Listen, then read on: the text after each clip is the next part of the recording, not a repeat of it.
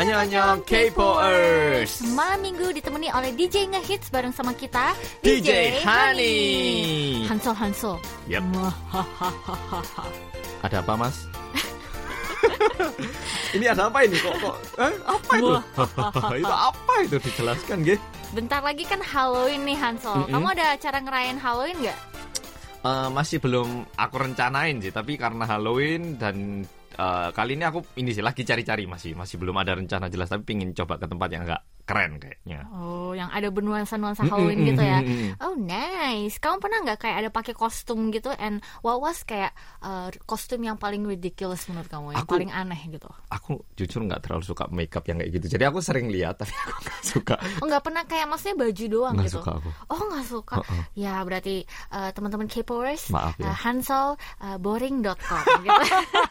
Oke, jadi tapi tapi ini loh, apa sekarang kan meski belum Halloween udah sering kelihatan loh di subway itu ada kadang-kadang yang make upan gitu, mereka kayaknya pergi main-main gitu. Terus eh, kalau Nuna gimana Kalau menunggu aku- Halloween ini? Kalau aku pernah sih uh, ini apa namanya pakai kostum kostum uh, nenek uh, bukan nenek lampir ya kayak nenek witch gitu Mak lampir, witch. mak Uh, lampir. Hmm. ya rada-rada mirip mak lampir gitu yang ala ala Eropa dan ya ampun Hansol dari baju sampai makeup nggak ada yang nyambung aku ada fotonya tapi ini fotonya mungkin masih di keep sama mamaku dan itu aku nggak bakalan kasih lihat orang karena benar-benar nggak banget gitu Oh, emang suka ya dan dan kayak gitu itu?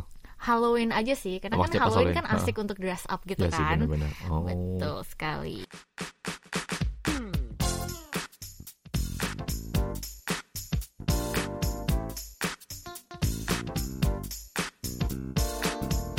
Oke teman-teman Kepo, mari kita move on ke info selebriti. Penyanyi trot dan juga entertainer Hon Jin Young membuat headline di dunia entertainment dengan bagaimana ia menangani haters atau disebut di sini anti fan. Iya ya itu itu apa kan aku baca-baca katanya dia eh, ada anti fan yang menuliskan di Instagramnya aku benci banget sama kamu gitu katanya Waduh, kalau aku digituin sakit hati ya sakit hati sih. Tapi ya benar banget sih Hansol dan di Hmm. sini dia bales. Teman-teman kepo di sini eh, si Mbak Hong Jin Young ini dia bales loh komennya di Instagramnya. Mbaknya ramah dan, ini ya. Oh, oh, dan dia nulis di sini bagian apa sih yang kamu benci dan mungkin bisa aja ada ala- bisa aja nggak ada alasan untuk membenci seseorang. Dan Hmm. aku bakalan mencoba untuk menjadi yang lebih baik. Jadi please jangan benci aku. Dan aku juga manusia dan aku sedih katanya. Jadi ini ya jadi ada rasa simpati tiba-tiba empati banget gitu. Oh ya aku aku inget ini sih inget banget itu kata-katanya. Dan kata netizen banyak yang bilang kalau mereka eh, kalau jadi anti fannya gitu ya yang komen itu bakal merasa bersalah gitu loh langsung. Iya dan juga kayak apa sih kalau aku digituin juga aku pasti pasti bakalan kalau aku digituin aku pasti bakalan kayak ya ampun aku tau gitu nggak nulis kayak gitu gitu kan. Hmm. Nah dan juga di sini ada yang bilang oh nih jangan bersedih dong banyak yang masih suka sama kamu kok dan banyak komentar-komentar positif loh uh, dari Hmm. netizen-netizen dan di sini juga Hong Jin Young benar-benar handle it dengan cara yang sangat membumi nggak sih menurut kamu langsung kayak very down to earth gitu gimana Hansol? Um, menurutku ini bagus banget karena ini ya sepertinya kadang-kadang ada orang yang nulis seperti ini kan bisa jadi dia sebenarnya fan tapi pingin di kok pingin di reply gitu loh komennya Oh, iya, jadi iya, cari iya. cari cara gimana caranya biar aku dapat perhatian lebih sih jadi Ah. Uh, mungkin caranya Hong Jin Young ini sih benar dia juga menunjukkan bahwa aku peduli gitu loh. Aku Ah. itu nggak nggak cuman gitu gitu ya. Kalau menurut Luna gimana? Kalau aku seneng sih soalnya uh, Hong Jin Young ini benar-benar menurut aku memperlihatkan sisi manusianya sih, sisi manusiawinya gitu. Maksudnya kayak aku juga orang biasa seperti kalian, aku juga ada Hmm, iya sih ya. perasaan Oh, gitu. oh, oh. Dan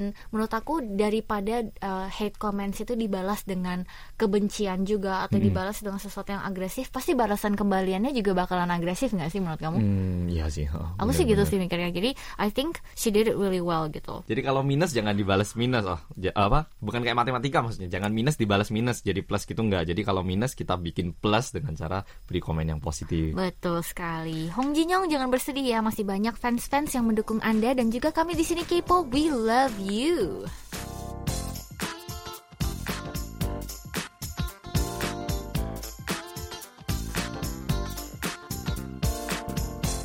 OMG Hansol, please, aku ada berita yang ngehits apa ini total. apa apa apa apa apa, apa? Tahu nggak Red Velvet Wendy telah berkolaborasi dengan singer-songwriter yang namanya John Legend. Oh my god. Loh, tapi ah, oh kayak apa sih ini bakalannya? Kolabnya kayak apa sih bisa dijelasin dikit nggak? Kayak apa sih sebenarnya lebih jelasnya itu? Sebelum itu, jadi Mm-mm. Wendy ini adalah lead vokalisnya Red Velvet Group Uh-uh. dari SM Entertainment dan sudah tidak usah dipertanyakan lagi skill menyanyinya di sini dan dia Iya akan sih. menjadi Mm-mm. perwakilannya SM Entertainment yang berkolab dengan John Legend dengan judul lagu Written in the Stars. Dan di sini Oh, uh, gitu. di Station X yang yang sudah keluar kemarin pada tanggal 19 loh.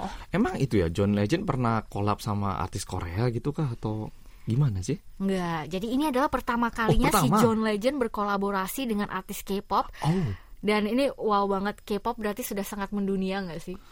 Iya ya, bisa berarti pertama kali dengan K-pop ini berarti kan sangat bermakna besar gitu loh menurut Ah, aku. banget apalagi Wah. John Legend dan juga ada kabarnya Dua Lipa juga akan kembali ah, juga akan berkolaborasi dengan Blackpink dan baru-baru ini ya pasti teman-teman K-popers sudah, Sudah, tahu kalau BTS sudah merilis kolaborasi lagu Idol fit Nicki Minaj. Wah, gila ya. Sekarang apa artis-artis Korea mulai kolaborasi dengan artis-artis luar ini bakal lebih menarik lagi gitu loh kayaknya ya. Oh, oh, gila, Semoga banyak banget ya. lagi yang seperti ini. Jadi nggak Korea terus tapi ada kayak hal kayak apa ya vibe-vibe yang baru gitu loh yang nggak bisa dihasilkan dari Korea sendiri. Betul banget.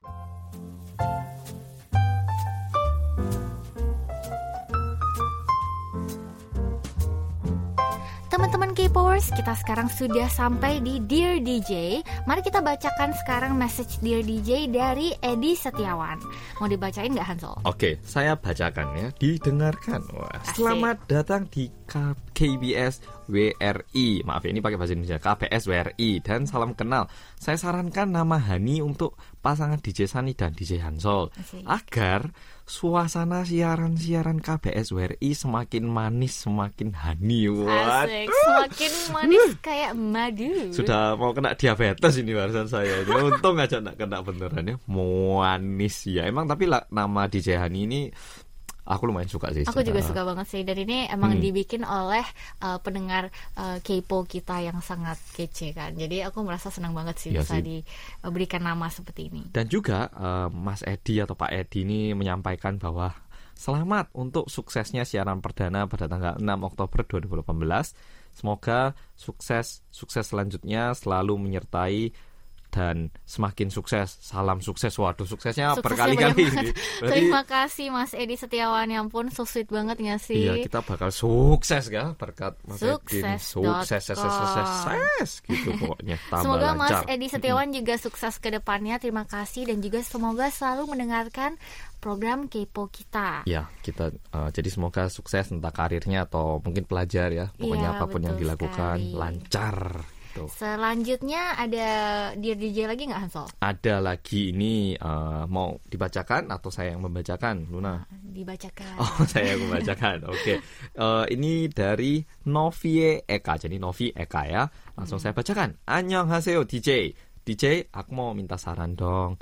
Gimana sih kalau harus ngadepin teman yang tiba-tiba berubah sama kita tanpa kita tahu alasannya? Waduh. Ini coba didengerin bareng-bareng ya teman-teman ya. Aku punya temen nih DJ. Dulu kita tuh deket banget. Tapi entah ada angin apa, tiba-tiba teman aku itu berubah 180 derajat ke aku. Dimulai dari cara bicara, cara dia bersikap ke aku, bahkan sampai aku ada di sebelahnya aja dia seakan nggak menganggap aku ada. Aku bingung salah aku itu apa. Aku sampai tanya ke semua teman aku dan mereka juga nggak nggak sadar kalau aku, kalau ada yang berubah di teman aku itu gitu loh.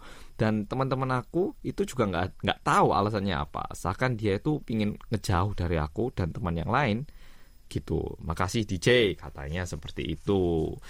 Hmm, gimana? Sedikit deep banget ya.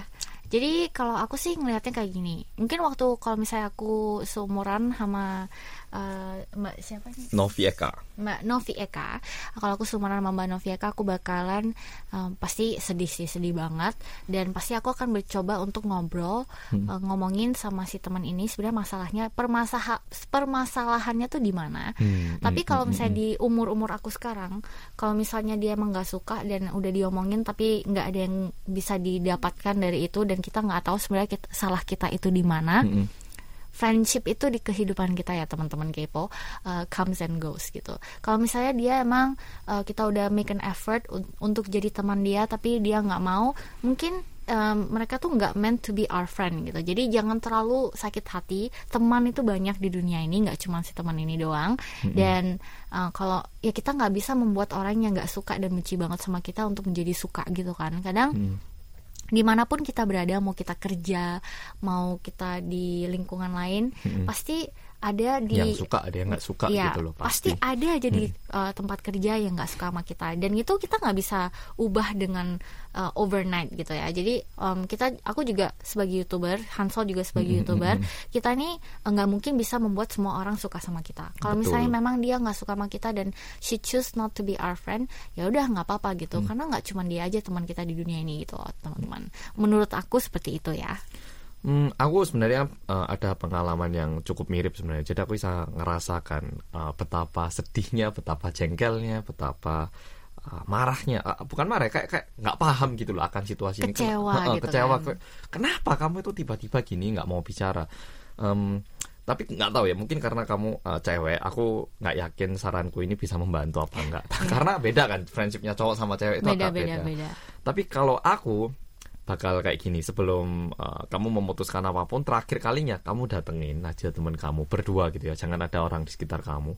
Lalu kamu bilang "Em, siapa namanya? gitu ya. "Uh, eh A. Uh, aku nggak tahu kenapa kamu tiba-tiba berubah tapi uh, aku merasa ada yang aneh di hubungan kita. Tiba-tiba kita merasa kayak jauh atau kamu menjauh gitu. Aku nggak tahu alasannya apa. Aku berharap kamu bisa memberitahu ke aku. Kalau kamu nggak siap sekarang nggak apa-apa. Aku bisa tunggu. Tapi kalau kamu milih untuk nggak jadi teman aku ya udah aku juga nggak bisa ngerubah apa-apa nah Iya. aku berharap kamu bilang ini dengan tujuan kayak paling nggak nanti kalau suatu hari kamu benar-benar nggak jadi temannya dia kamu itu nggak nyesel karena kamu udah mencoba betul dan juga eh, kamu udah mem- berusaha membuat jembatan hubungan gitu loh. Tapi misalnya kamu langsung ninggalkan, aku yakin kamu juga nyesel, temen kamu juga mikir loh kok dia nggak nggak ini sih nggak datengin aku. Mungkin dia kan juga bisa aja sakit hati karena suatu perbuatan yang kamu lakukan, tapi nggak kamu sadari gitu. betul Jadi sekali kalau aku kayak gitu sebagai cowok sih mending gitulah coba dulu Nah, ditanyakan. coba appro- approach tapi kalau memang sudah uh, out apa uh, reaksinya tetap seperti itu ya mungkin she's not meant to be your friend gitu sih karena memang sakit hati banget sih Iya. waktu di usia itu tapi kalau dipikir eh, mungkin ada maksud lain ada maksud lain di hidup kamu jadi kayak gitu Betul, aja jangan betul. terlalu dimasukkan ke hati semangat ya jadi jangan Semangat. bersedih semangat Novieka we got you. Terima kasih banyak untuk teman-teman K-popers terima kasih banyak untuk teman-teman K-popers yang sudah, sudah mengirimkan mengirim. dan juga bagi teman-teman yang mau mengirimkan bisa dikirimkan ke pesannya ke Indonesia at kbs.co.kr ataupun Facebook kan semua punya toh. Jadi Iya. ke Facebook cari aja KBS uh, World uh, Indonesian Service lalu juga kirimkan melalui message. Nanti biar bisa kita bacakan betul sekali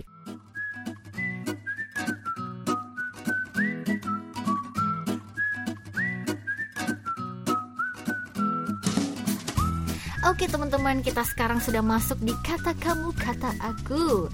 Kemarin-kemarin kita sempat Mm-mm. posting di Facebook page KBS World Radio Indonesia mengenai uh, tipe-tipe kalian. Jadi di antara cowok seksi, dandy, cute, geeky, tipe ideal kalian tuh seperti apa sih dan alasannya tuh apa sih? Jadi kita udah minta kalian untuk komen di bawah gitu. Oh ini ceritanya tentang aku berarti ya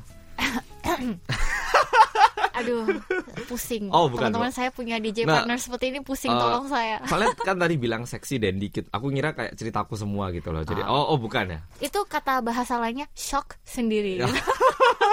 Oh tak kira cerita tentang aku. Aduh jadi GR padahal. Oke bercanda ya bercanda. Jangan jangan hate comment. Oke langsung kita uh, mulai dari komen uh, Dari ini ya pesan pertama Uh, banyak banget sebenarnya komen-komennya, tapi kita mulai dari yang pertama yaitu Kiki Choi. Hai DJ, tipeku adalah Ajoshi rasa opa. Asik. Seperti Ki, Lee Jin Uk, Ijinuk, Janghyuk, dan kawan-kawan. Kusuka sekali pria-pria macam itu sudah matang alias berumur tapi tetap maskulin dan menggoda iman. Duh, kok menggoda iman? Apalagi kalau mereka belum menikah, duh tambah greget. Eh tapi aku mau protes dulu nih. Kita ngomongin kayak makin eh, apa mateng alias berumur. A- Hmm. Ada kata-kata nih.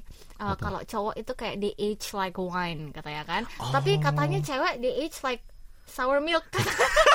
Berarti kalau yang satu oh, malah semakin lama fermentasinya semakin mahal ininya harganya, kayak nilainya naik. Kalau yang satu Kayak susu semakin basi, lama tau semakin nggak nggak laku nggak ada yang mau gitu ya. Eh, kenapa cewek harus di i- apa harus dibikin kayak ideologi kayak gitu gitu? Kayak kan? harus kenapa cepet sih? laku gitu ya? Oh, oh. kenapa sih dibilang kayak Hmm. sour milk kayak apa susu susu basi gitu, gitu, kan susu basi gitu. Kesel saya saya protes saudara-saudara. Um, iya tapi emang cowok ya apa emang cewek bener ya? Sedikit tertarik dengan uh, cowok-cowok yang berusia gitu. Ah, ah, benar kalau aku sih aku age doesn't matter untuk aku sih. Berarti sekitar 73 tahun gitu suka ya? Kalau Eh. cakep baik. Hmm, mari kita lanjut ya emang kenapa? 73 tahun kenapa? Kan udah fermented banget itu udah tinggi banget itu nilainya. Itu terlalu fermented itu. Oh terlalu fermented ya? Nggak nggak nggak terlalu suka fermented ya? Oke oke Oke, oke bisa dibacain yang selanjutnya. Oke, selanjutnya adalah dari Retno Palupi. Saya suka tipe yang cool. Waduh, kok ceritaku lagi sih? Aduh, shock Dan manly loh. Kok aku sih ini ya? Kayak oh Top Big Bang bukan saya Oh, ternyata. bukan ada mas, bukan ada. Oke, jadi uh, saya suka tipe yang cool dan manly kayak Top Big Bang. Entah kenapa, jadi merasa terlindungi ngelihatnya. Hahaha. Apalagi jadi istrinya hashtag digampar VIP katanya. Wah tapi emang uh, top Big Bang ini karismanya uh, aku suka banget sih dia karismanya dan juga aku suka tipe cowok yang alisnya tebel gitu. Jangan GR mas. Kalian mesti tahu dong teman-teman K-popers si Hanso ngeliatin aku tuh kayak berharap kayak aku tuh ngomongin doi gitu. Um, tapi tapi kalau kalau TOP ya TOP Big Bang ini emang dari aku yang laki-laki pun merasa dia itu kayak karismanya itu cowok banget gitu loh kayak cowok yang jantan lah istilah kata tepatnya Oh. kayak jantan banget yang maskulin lah tepatnya maskulin gitu kan. Nah, emang keren sih aku ini Oh, I see. Benar-benar. Oke, selanjutnya dari Eva Nurjana. Ampun kalau aku pasti pilih Kai EXO di Jehani soalnya dia bias aku di EXO dan dia kalau Hmm. panggung manly, sexy, karismatik banget. Tapi kalau di eh, kalau jadi Kim Jong In dia super cute dan gemesin banget. Aduh, unch banget deh pokoknya gitu. oh jadi dia suka yang cute tapi juga ada Seksi. sisi yang keren gitu ya Kalau aku nggak gitu suka cowok yang cute-cute sih. Aku oh kayak yang Yang I'm a man yo gitu ya yang uh dempal Yang berotot gitu. aduh berotot-berotot amat juga lah ya takut saya. oh yang sedengan ya yang sedangnya pokoknya in the middle gitu lah ya. Hmm, Oke, langsung lanjut lagi dari teman kita yang namanya Rahmatia. Halo DJ, kalau aku disuruh milih di antara mereka berempat, aku suka tipe seperti Seokjin BTS. Oh. Kenapa? Karena Jin itu orangnya asik, sayang sama orang, terus dia lucu dan konyol banget seperti aku yang suka banget bercanda sama orang. Dan dia memiliki Oh. muka yang baby face banget, tapi aku juga suka dengan aktor Lee Jong Sok Ah, karena Jong-seok. dia uh, sangat dewasa dan memiliki pesona yang tidak diungkapin deh, tidak bisa diungkapin deh. Wah, berarti banyak manner, eh, banyak charm-charmnya gitu ya. Ini tapi bener ya kayak uh, ini bukannya sombong ya, bukan sombong tapi uh, tolong didengarkan lah. Ini memang nyata gak lah. Aduh, Jadi teman-teman tolong eh, tutup telinganya ya.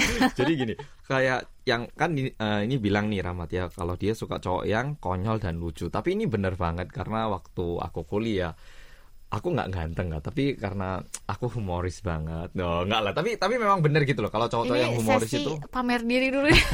nggak tapi bener nggak sih cowok yang humoris itu bisa kayak memikat perhatian wanita Bener banget sih. Aku juga eh, salah satu tipe kriteria ideal typeku tuh harus lucu. Maksudnya harus humornya tuh ada karena kalau cowok ganteng tapi kayak ngomong gak banyak. jaim terus gitu ya Jaim terus itu kayak ngomong sama papan tau gak sih mantul mulu gitu. iya sih bener-bener Iya kan? oh, oke berarti mulai hari ini kak Sani mending jaga jarak sama aku deh ntar nggak bisa keluar bahaya Seperti yang tadi saya bilang shock sendiri gitu ya. Ya, Oke, mari lanjut. kita lanjut. Jihoni Dia Park. Kalau aku ada dua kriteria nih. Yang pertama adalah tipe cowok tampang bad boy kayak Oh. K- Kai EXO dan yang kedua tipe cowok kalem-kalem, dingin ala Prince Taeyong NCT katanya. Oh, berarti suka yang kalem-kalem yang kayak ice gitu, tapi Hmm. yang tipe agak bad misterius boy juga yang Ya, misterius. misterius gitu. dikit Hmm. Wow. dulu aku waktu SMA kan ini kan aku banyak bicara jadi pengen jadi cowok yang kayak kayak, Oh, kayak misterius. misterius kayak diem Oh. gitu kan. Uh 30 menit nggak kuat aku. Udah nggak kuat aku. Langsung Harus ngomong Harus gitu. ngomong udah nggak kuat aku. Aduh, nggak bisa aku. Jadi dilahirkan memang aduh nggak semua orang bisa jadi orang-orang kayak bener, gini. bener. Kita berdua tuh dilahirkan cerewet tau gak bisa. sih? 30 Nggak menit bisa. terus kuat gatel-gatel gitu. Bibirnya kayak Ya. mau merocos gitu ya. Oh, Oke, langsung kita lanjut lagi dari Visti Desinta. Halo DJ Hani, saya sukanya yang dewasa tapi tetap bikin gemes seperti Ji Changuk, Yi Jong Sok atau Kang. Kangen. Mereka kelihatannya bisa menyesuaikan di mana pun berada. Kalau perlu dewasa kelihatannya, eh, kalau perlu dewasa kelihatan pesonanya, tapi kalau lagi cute gemesnya kebangetan. Oh, jadi bisa kelihatan dewasa, juga bisa kelihatan cute gitu loh, bisa menyesuaikan. beradap beradaptasi gitu oh aku juga suka kangen oke Rastawati eh, di sini bilang halo DJ Hansel dan DJ Hani welcome. Terima kasih. Eh, tipe aku itu yang dewasa tapi baby face gitu kayak Mas Jin. Wah Mas Jin populer ya. Eh, BTS member tua di BTS tapi mukanya sama kelakuannya udah ngalahin Jungkook yang Mangne tapi aku juga suka ngidolain Jungkook sih tetap. Kalau dari barisan aktor aku milih Park Seo Joon oh Park Seo Joon aku suka juga Park Seo Joon sama So Kang Jun emang ya kalau namanya Soso itu emang menggoda iman Sekian DJ. Tapi menurutku ya ini bukan masalah mereka itu gantengnya tipe apa. Eh, salah satu eh, kemiripan dari semua nama yang udah muncul di sini adalah ganteng. Jadi gampangannya cowok itu harus ganteng ya. Kayaknya nggak masalah betapa humorisnya kamu. Kalau ganteng itu udah startnya lebih awal gitu loh. Eh speaking of, kita kan barusan udah bahas ini nih ya, tipe ideal gitu kan dari yang foto yang aku posting waktu ini. Nah kalau Hansel, kamu ada tipe ideal gitu nggak di eh, di yang kamu yang kamu cari di cewek? Oh aku cari di cewek ya. Oke. Kalau aku eh, suka cewek yang nggak terlalu jaim tentunya, suka cowok, eh cowok cari lu lu salah salah eh, ini ini jangan salah tanya gini. Cewek maksudnya cewek suka cewek yang nggak jaim tentunya. Yang kedua agak humoris, jadi biar waktu pacaran itu nggak nggak flat gitu loh. Oh, Kadang iya, iya. eh, Mantul gitu ya, ngomong sama dinding eh, gitu enggak, ya. eh, biar gitu terus ketiga aku karena ini ya hatiku itu agak kayak orang Jawa ya jadi kalau dibentak itu langsung sakit hatinya itu berhari-hari.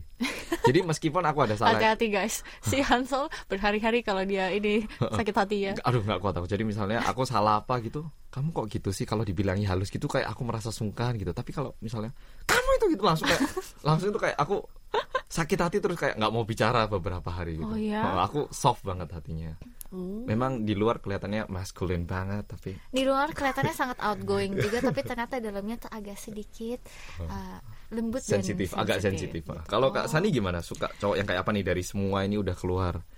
Uh, tipenya gitu ya. Aku suka tipe cowok yang Oke, uh, kita pisah, uh, kita pecah karakteristik dan tampang Iya, beda. aku aku karakteristik comes first sih. Karakter itu sangat penting. Personality nomor satu menurut aku. Jadi aku suka cowok yang uh, pintar. Aku suka ber uh, conversation apa itu berbincang-bincang Yang nggak cuma masalah gitu ya. nggak cuma masalah kayak oh aku hari ini shopping segala macam aku suka tipe cowok yang Cowok uh, ya? maksudnya kalau aku ngomong tuh aku bisa ngomong mengenai dunia gitu maksudnya Oh. uh, yang berintelektual gitu Oh, oh, sih. Uh, seperti RM di BTS ya aku suka banget cowok-cowok pintar gitu dan uh, kedua aku nggak suka yang terlalu serius juga sih itu kayak ngomong kayak papan mantul juga itu kalau Yang misalnya terlalu serius ya. Uh-uh. bener sih, bener. jadi harus intelektual tapi juga lucu banget jadi kayak kalau udah ngomong sekali cetus sekali gitu kayak bisa bikin aku Ngakak. gitu Oh. kocak abis dan uh, menurut aku aku nggak gitu lihat uh, physical appearance sih jadi aku nggak gitu ngelihat apa dia harus tinggi dari aku atau enggak mau sama juga nggak apa-apa mau lebih pendek juga nggak apa-apa aku nggak gitu ngelihat physical appearance Oke, jadi bagi cowok-cowok yang suka Kak Sani, uh, menurut ini ya dari penjelasannya Kak Sani, yang aku dapat yaitu IQ kamu itu harus pinter 180 tapi juga humoris, pinter banget, punya sense of humor yang bagus banget. Ya, jadi Oh, ada lagi satu. Apa? Aku uh, harus ini ada memiliki ini sense of harus sukses gitu. Pokoknya dia harus Oh. sangat ambisius, seambisius aku gitu. ambisius aku maksudnya. Maksudnya seambisius aku. oh, Aku orangnya ambisius ambisius. Kak Sani gitu. Nah, jadi aku orangnya tuh kerja keras dan ambisius dan menurut aku turn off itu di cowok itu adalah ketika dia malas. Kamu ada turn off nggak yang kamu mikir kalau wah kalau udah kayak gini tiba-tiba langsung perasaan dari 100 jatuh ke nol gitu. Oh, em, ini pastinya semua cowok lah ya. Kayaknya kan namanya orang hidup itu kan berputar seperti roda, kadang di atas, Asik. kadang di bawah. Jadi Uh, puitis, kita sebagai cowok pastinya ingin membelikan eh, kayak memuaskan perempuan kita gitu, kayak Betul. ingin belikan hadiah yang bagus, yang mahal, yang bisa Ah. dibanggakan. Tapi kan ada kalanya hidup itu susah, kayak Ah, kayak nggak iya, punya. banget, Oh, banget. tapi em, misalnya ceweknya nggak bisa memahami situasi waktu kita susah, nah itu pasti aku kayak langsung, oke, nggak Oh, apa-apa. oh, Nanti iya. kalau aku sukses pun aku nggak mau kayak sama kamu gitu. Aku, Ah. ya itu yang nggak bisa aku. itu benar banget sih, itu benar banget yang sih. yang bisa atau mau menerima apa pun situasinya gitu. Bener banget, itu bener banget teman-teman. Aku juga uh, satu opini bersama dengan uh, Hansel. Wah, that was really fun ya kata kamu kata aku. Kali ini benar-benar kita bisa sambil menggubris uh, tipe ideal teman-teman K-popers dan kita juga bisa membahas tipe ideal kita masing-masing. Betul sekali.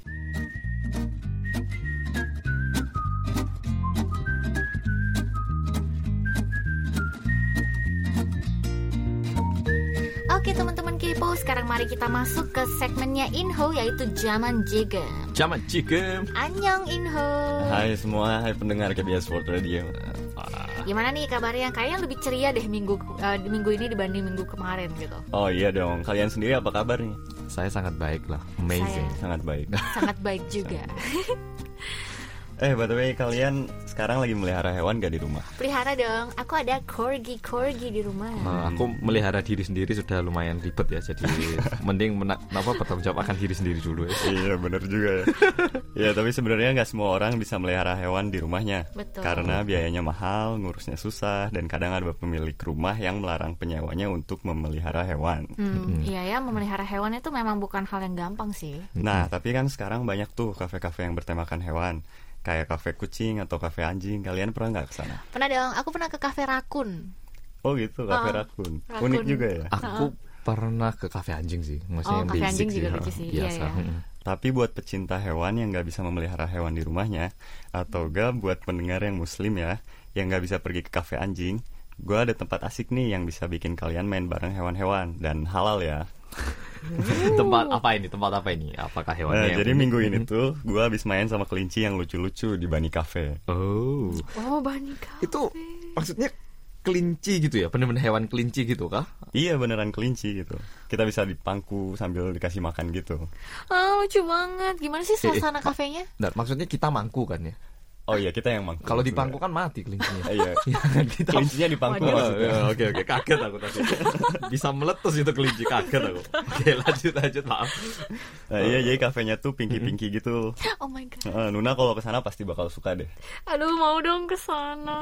jadi kayaknya lumayan tertarik ya kita bisa eh, mangku kelinci apalagi kelinci kan sebenarnya merupakan salah satu salah satu hewan yang kayak kita pingin pelihara waktu kita kecil gitu nggak sih kan lucu makan wortel ngerokotin gitu Nah, iya kalian jadi tertarik kan? iya dong pastinya tertarik banget Bani Cafe letaknya di Hongdae. Jadi kalau lu naik subway lu turun di stasiun Hongdae terus keluar lewat exit 8. Habis itu lu tinggal belok kanan dan jalan lurus sekitar 5 menitan sampai deh di Bani Cafe-nya.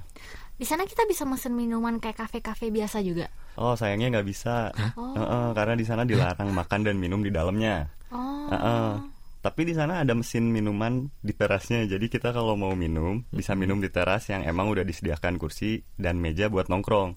Lagian kalau minum di dalam tuh pasti nggak nafsu deh. Soalnya agak-agak Oh. smell not good lah. Oh, terlalu harum lah istilahnya. Kalau istilah ini expertnya itu harum. Berarti ini sama seperti minggu lalu pertanyaannya. Banyak nggak orangnya gitu?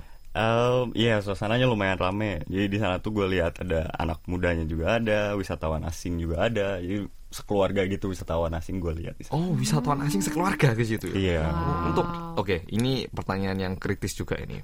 Kritis. Berapa bayarnya ini? Harganya tuh 6.000 won untuk 30 menit dan 9.000 won untuk satu jam. Oh, lumayan mahal juga ya. Tapi lumayan buat healing sih sekali-sekali. Boleh kasih makan juga nggak? Dijual juga kok makanannya, tapi Oh. bayar lagi 2000. Waduh. Oh, tak kira Iya. tadi yang dijual kelincinya. Salah apa? Oke. Mungkin ada ini nggak hal-hal yang kita perlu ketahui sebelum kita ke sana biar nggak nggak ini nggak nggak ada ini loh kesalahan atau hal-hal fatal gitu. Nah, jadi sebelum main sama kelincinya, kita harus masukin barang-barang dan tas ke loker yang disediakan. Habis itu, gue dikasih kertas yang berisi aturan-aturan yang harus dipatuhi ketika main bareng kelinci. Oh, bisa diceritain nggak aturannya apa aja? Ada banyak sih aturannya, cuma beberapa di antaranya seperti kita nggak boleh meremas kelincinya karena nanti iyalah. bisa membuat kelincinya stres gitu katanya. Bukan nasi Di remes rumah. ini, bukan nasi remes ini jangan dikeremes Iya, jadi kan maksudnya kita suka gemes-gemes gitu kan, jadi kadang dicubit, gitu. diremes-remes gitu lah. Nah, kita juga nggak boleh diperbolehkan membawa makanan dari luar, nggak Oh. boleh berisik dan nggak boleh menggunakan flash saat mengambil foto. Oh, Oh, berisik. gitu. Jadi gimana tuh kelinci-kelincinya pasti pada lucu-lucu gitu nggak sih? Iya, mereka gemesin, terus pada doyan makan, makanya mereka pada gendut-gendut gitu. Oh my god. Eh iya, tapi sebelum bisa main bareng sama kelincinya, gua harus pakai apron atau celemek dan juga memakai hand sanitizer dulu biar steril gitu. Oh, tapi ini kelincinya gendut-gendut kan ya, bukan besar-besar. Soalnya dulu aku punya teman ya, dia punya kelinci. Tapi keluar aku pertama ngira anjing loh, dia tuh segede betis pertama. Semoga nggak- Segede betis. nggak nggak segede monster gitu ya. Oh, terus ini makanan yang bisa kita kasih apa ini? Eh, jadi di kotak makanan yang kalau kita beli itu di sana ada sayuran kering, ada terong, ada juga wortel. Oh, wortel, makannya sayuran ya. Kalau lagi main terus kelincinya buang kotoran gimana tuh? Nah itu berarti anda kurang beruntung ya.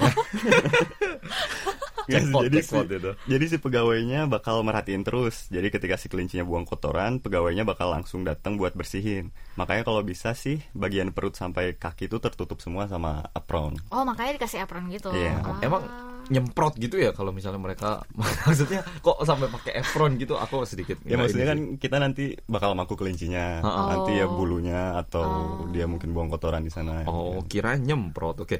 Terus ini kelincinya ada berapa ekor kira-kira? Totalnya tuh di sana ada 10 ekor kelinci, tapi Oh. dari berbagai spesies, jadi beda-beda. Jadi mereka tuh di disimpan di kandang Mm-mm. dan ntar bakal dikeluarin kalau kita main bareng gitu. Oh terus Oh, Inho eh, ada kelinci favoritmu nggak di situ? Ada kelinci yang paling gua suka itu warnanya yang coklat, soalnya dia nggak mesin banget. Ah. Heeh. Jadi kalau kalian pada penasaran sama muka-muka kelinci yang gemesin itu, silakan lihat foto-fotonya. Seperti biasa di situs world.kbs.co.kr/indonesian. Oh banget. Aku baru mau tanya fotonya kayak gimana. Ternyata udah ada di website ya. Jadi Iya. teman-teman yang mau lihat juga langsung ke website. Terima kasih Inho untuk Sama-sama. liputannya minggu ini. Kita tunggu tentunya ya minggu depan liputan. Betul. Iya. Pasti bakalan yang ngehits ngehits yang asik-asik gitu. Iya pasti pasti. Makasih ya Inho. Makasih.